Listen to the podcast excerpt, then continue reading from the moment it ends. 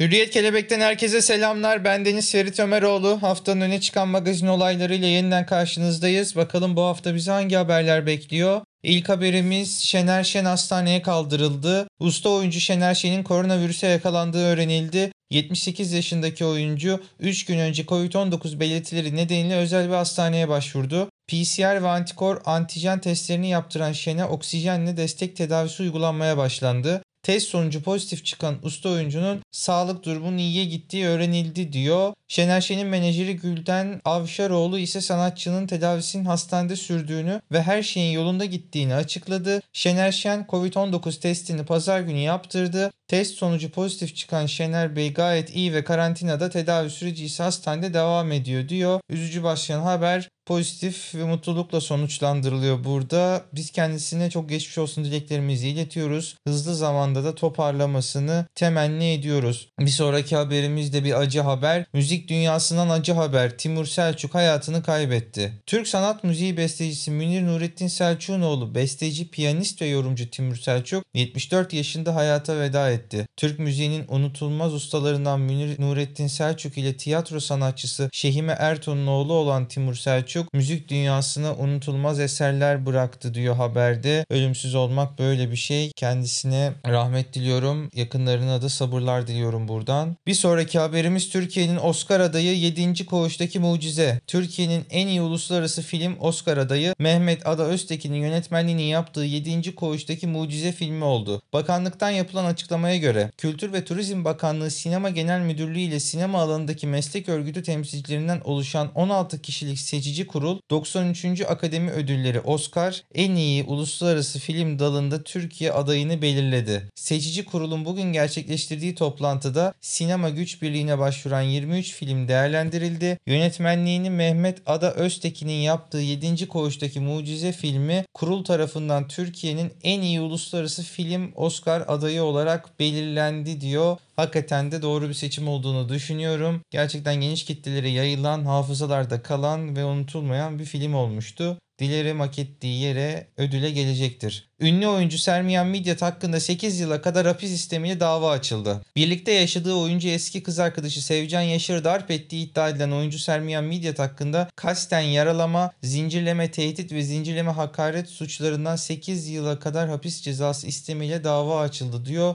Bu noktada davanın devamını takip etmeyi ve sonuçlandıktan sonra yorum yapmayı tercih ediyorum ben. Bakalım devamında bizi neler bekleyecek. Bir sonraki haberde Seda Bakan burnumu yaptırırsam eşim beni boşar demiş. İbrahim Selim'in sunuculuğunu üstlendiği Zorlu PSM'de sahnelenen İbrahim Selim'le bu gecenin konuğu oyuncu Seda Bakan oldu. Kendisiyle ilgili samimi itiraflarda bulunan oyuncu hiç estetiğiniz var mı sorusuna ise şu yanıtı verdi. Burnumda küçük bir çıkıntı var demiş. Yok ama yaptırmak çok istiyorum. Burnumda küçük bir çıkıntı var. Eğer burun estetiği yaptırırsam eşim beni boşar ve kariyerim başka bir yere gidebilir demiş.